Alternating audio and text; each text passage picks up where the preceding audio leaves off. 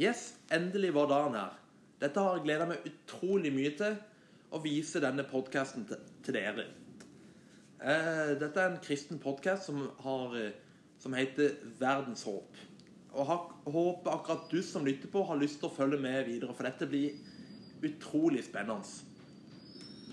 Jeg, jeg har gleda meg i hvert fall utrolig mye til dette. Så jeg, jeg håper og tror at du som lytter på, har lyst til å høre med videre. Så, som jeg sa, så går vi gjennom mye spennende tema. Som alltid fra troshistorie, folk som kanskje ikke har tatt imot Jesus, men har mye spennende å fortelle. Og det, det tror jeg. Jeg har eh, I denne podkasten her skal vi snakke om et tema som er opplevelse i Jesus, eller eh, ting som har skjedd i livet som har forandra livet deres. da.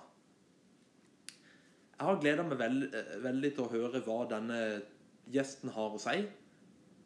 Og jeg vil jo si at det er en veldig spennende gjest. For han, han er da trommis for eh, Philadelphia-kirken i Kristiansand.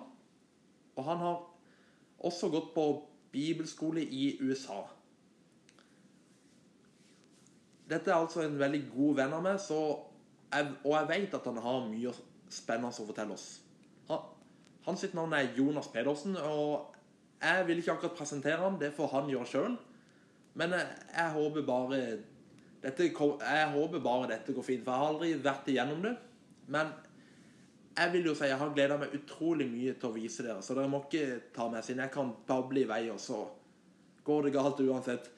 Men jeg håper akkurat du som lytter på denne podkasten, er med oss fortsatt. For jeg tror dette kan bli utrolig spennende.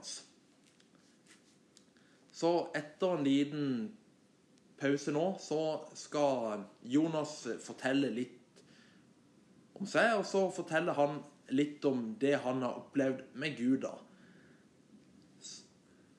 Så nå tar vi en liten pause. Når vi er tilbake, så presenterer vi Jonas.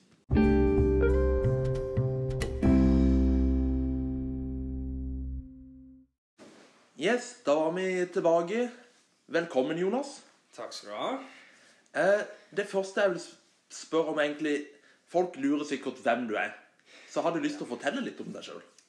Du, det kan jeg absolutt gjøre. Først må jeg si takk for at jeg kan være med. Det er jo utrolig, utrolig koselig å se deg alltid og, og være med på ting som skjer, i hvert fall i disse tider. Mm. Hvor man må fylle dagen med litt. Men eh, jeg heter Jonas Pedersen. Jeg er 22 eh, år. Blir 23 om en eh, halvannen uke, tror jeg. Um, født og oppvokst på Gimlekollen i Kristiansand. Jeg er en sønn av en tidligere skiløper som heter Solveig Pedersen. Um, og nå driver jeg veldig mye med musikk, og jeg spiller trommer blant annet. Og studerer musikk, da. Det er vel i grove trekk mm. litt hvem jeg er. Gøy, Jonas. Du, første, du spiller jo tromme for eh, Philadelphia. Det gjør jeg. Og så Hvorfor tromme, Jonas? Hvorfor valgte du liksom å spille tromme? Var det, var det noe spesielt med det? Ja, nå, nå spør du vanskelig. Mm. Jeg, jeg, vil jo se litt på meg sjøl som liksom familiens uh, sorte får. For mm. uh, vi har jo en jeg har jo en mor som er skiløper, og en bror som driver med ekstremsport. Min far er brannmann. Søstera mi er sosionom. Og så har du meg, da, som spiller trommer. Mm. Eh, jeg husker i min oppvekst så um, prøvde jeg veldig mye forskjellig av liksom sport, idrett, sånne ting. Aktiviteter. Eh, så følte jeg ingenting passa meg. Eh, og når jeg var ni, så meldte min mor meg på en eh, musikal. Mm. Hvor jeg faktisk endte opp med å, med å få hovedrollen av alle ting. Oi. Da var jeg ni år gammel gutt som sang som ei jente, men uh, tydeligvis rent nok til å, få, til å få hovedrollen. da. Eh, og da merka jeg liksom gleden med musikk, hvor mye det ga meg. Eh, og da holdt jeg på med det til jeg var ca. tolv, hvor en kompis som, jeg, som heter Markus, eh, hadde fått seg et trommesett. Og så prøvde jeg det, satt meg ned, og så bare var det det gøyeste i hele verden. Wow. Så jeg eh, kjøpte meg et par trommestikker og slo egentlig på alt jeg kunne finne, helt til foreldrene mine tok hintet. og ble med å kjøpe et trommesett til meg, da. Eh, så valgte jeg rett og slett å gå for trommer av flere grunner framfor eh, sang og gitar og sånne ting. Men eh, det kan vi kanskje ta litt seinere. En annen historie. Det, det kan vi. Du har jo gått Jeg fortalte litt før eh, du kom her, at du har gått på bibelskole. Ja. Hvordan eh, Har du ha- hatt noen opplevelser fra bibelskolen? Har du lært å kjenne Gud mer? Absolutt. eh, så hvis vi skal gå litt inn på den reisen der, så begynte det vel egentlig med at jeg Jeg sier at jeg tok imot Jesus når jeg var rundt tolv år gammel. Eh, men jeg har vært kristen hele livet, for familien min er kristen, og jeg er liksom oppvokst inn i det. Men eh, jeg tror alle etter hvert en gang i løpet av livet må ta et personlig valg hvor du kommer fram til at dette er noe jeg vil gjøre. Ikke på vegne av mine foreldre eller noen andre, men mitt eget valg. da. Ja. Ehm, så når jeg ble tolv, så valgte jeg liksom å si ja til Jesus og begynte en reise der. Hvor jeg ganske tidlig opplevde at jeg følte Gud prata til meg og, og ga meg masse drømmer og visjoner og sånne ting. Eh, jeg husker eh, når jeg begynte i Philadelphia Kristiansand, som jeg går med nå, at jeg opplevde liksom masse sånne adrenalinkick på møtene og sånn. Eh, og jeg ble fylt med masse sånne rush og glede og sånne ting som jeg ikke helt skjønte hvor kom fra. da. Eh, og så ble det til at, at jeg skjønte at oi, det er noe på livet mitt som handler om lovsang og tilbedelse Mm. og musikk, egentlig Okay. hvor jeg begynte å drømme, hvor jeg så liksom Ok, jeg så store folkemengder. Og det handla ikke om at jeg skulle stå foran store folkemengder, men det handla om at store folkemengder skulle bli berørt av Gud i lovsang. Um, så husker jeg at jeg fikk mange profetiske hilsener fra folk i menigheten som jeg ikke kjente, som sa at det er noe med lovsang over livet ditt, og liksom vi ser dette og vi ser dette, og de egentlig bare bekrefta ting som jeg hadde kjent på selv. da. Ehm, så da konkluderte jeg vel etter hvert med at jeg tror jeg har et kall til lovsang, rett og slett. Ja.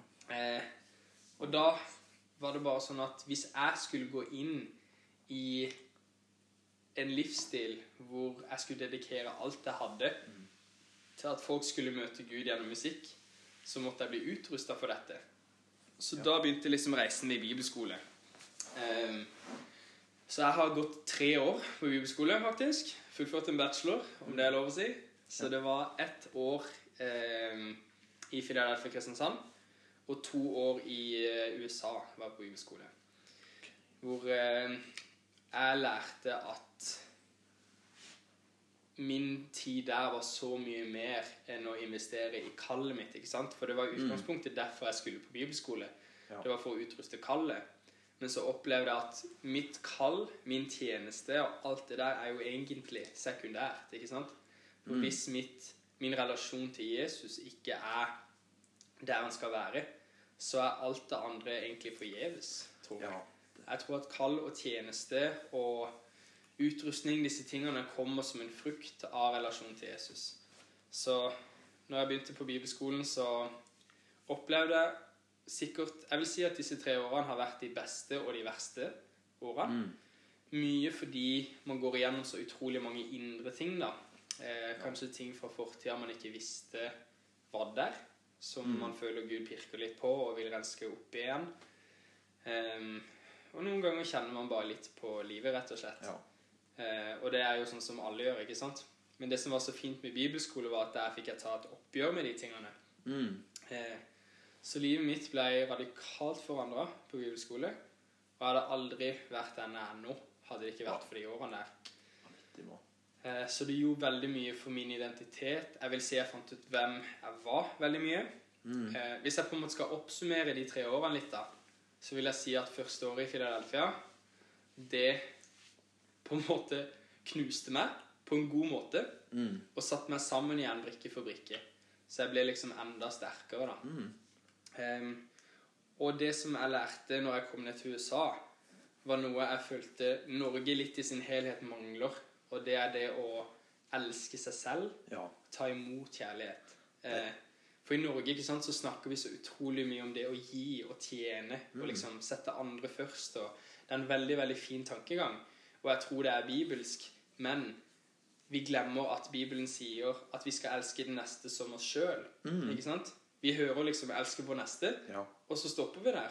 Men hva med elske oss sjøl, da? ikke sant? Hvor kommer det inn i bildet? Nei, Eh, så jeg tror at hvis man, hvis man ikke kan på en måte elske seg sjøl, så tror jeg ikke man kan elske andre fullt ut 100 rett og slett. Det er sant. Så jeg lærte rett og slett det å ta imot. At noen ganger så må vi gi slipp på det vi står i. Vi må gi slipp på våre krav, på våre betingelser. Til og med noen ganger våre bønneemner. Og bare komme fram til Gud og bare motta. Mm. Um, fordi jeg tror Gud ønsker av hele sitt hjerte å øse ut i oss. Ikke sant? Mm. Vi må jo Altså, alt det vi gjør av tjeneste i menighet og relasjoner og sånne ting, må jo være fra overflod.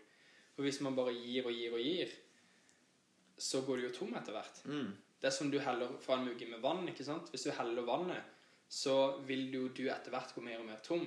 Ja. Og hvis du fortsetter å skal helle, men du ikke har mer igjen, hvor kommer vannet fra da? Ikke sant? Ja. Jeg tror det vi skal gi, det skal være overflod. Jeg tror Gud kaller oss til å være konstant fulle på, på Han, om du skjønner hva jeg mener, Mm. for at det skal være, være overflod igjen til andre. Eh, så jeg tror det handler mye om det å, å motta kjærlighet, og vite at jeg elsker, vite hvem jeg er, og hvem sin jeg er. Okay. Eh, og etter det så fikk alt en helt ny normal, egentlig. Eh, Ting var nytt i perspektiv, og jeg levde litt av helt andre hensikter, rett og slett. Vanvittig bra, Jonas. Tusen takk for det du delte. Nå skal vi ta en liten pause, og etterpå det så skal Jonas fortelle om sin sterke opplevelse med Gud.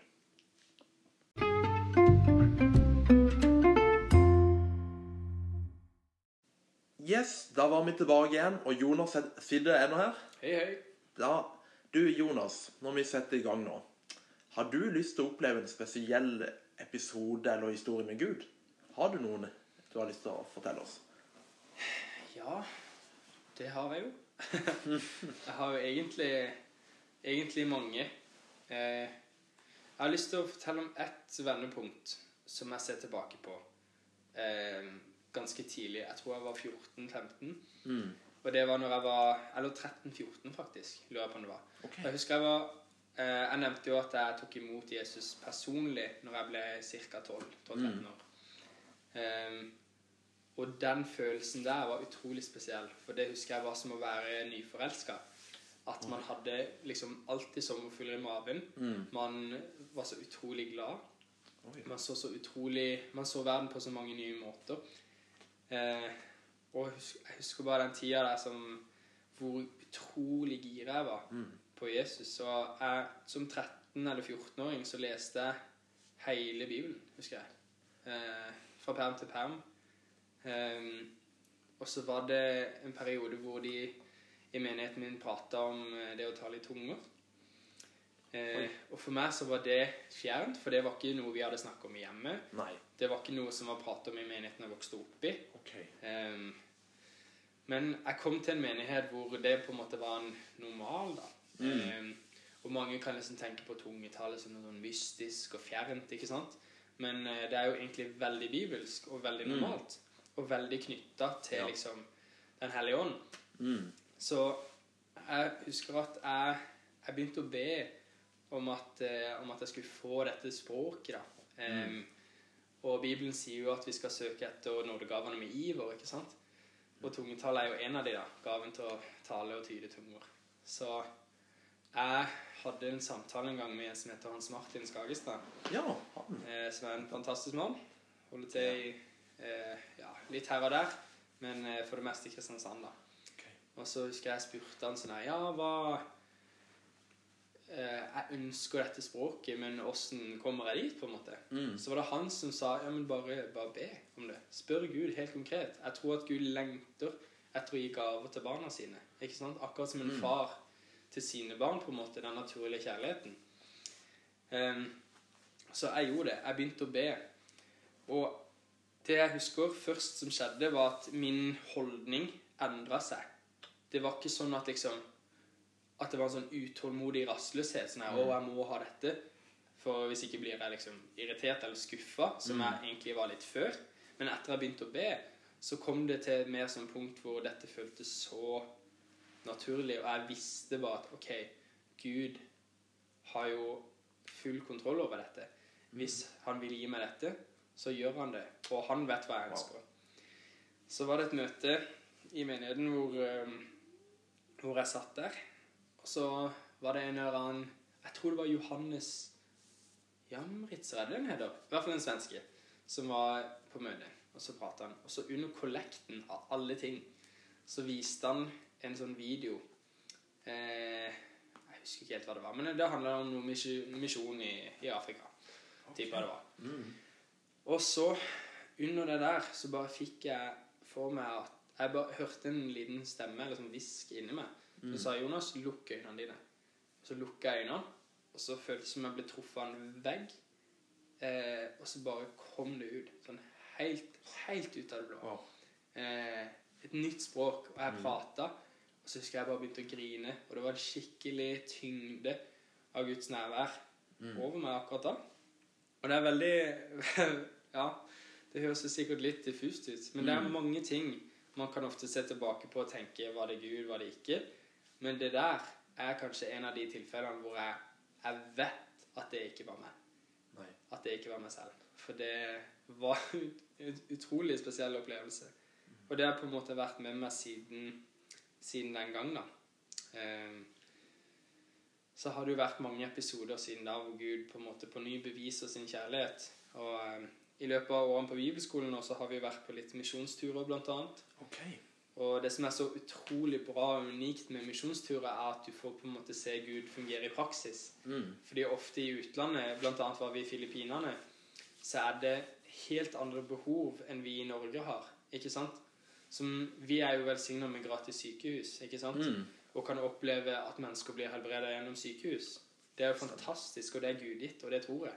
Og så har du eh, i fattigere land hvor ikke sykehus er gratis, som det er her, eh, og hvor ikke folk får den hjelpa de trenger, hvor Gud må gripe inn, ikke sant? Ja. Um, og der opplevde vi at når vi, når vi ba for mennesker, så var det så mange som ble helbreda, liksom. Vi så et ben vokse ut sikkert eh, 8-10 centimeter. Vi så eh, Vi ba for ei dame som hadde slitt med, med nyresteiner i tre år. Eh, så hadde hun hatt Jeg lurer på om det var 15 nyresteiner på tre år. Og så når vi ba for henne, så hadde alle nyresteinene kommet Mm. ut den natta. Og det er ganske, ganske ville Ja, tilstander. det er ville tilstander, tilstand, Jonas. Men det å se Gud virke i praksis er bare så utrolig nødvendig. Eh, å vite at Gud fortsatt gjør mirakler. Wow. Du, Jonas, tusen takk for at du kom, Jo, og takk for at du delte. takk for at jeg kunne være her. Eh, etter eh, en liten pause kommer jeg med litt info om Betania og Betelsvenvik. Ja, da var vi tilbake igjen ifra, ifra denne samtalen fra Jonas Pedersen. Hvis dere har lyst til å følge med, mer med på denne podcasten, så kommer det episode etter hvert. Litt vanskelig å få ut episode fra begynnelsen, men vi, vi jobber med å få ut episode mest hver fredag. Så håper du har lyst til å følge med videre, og ha en velsigna dag. Denne podcasten er i samarbeid med Betania og Betel Svenvik.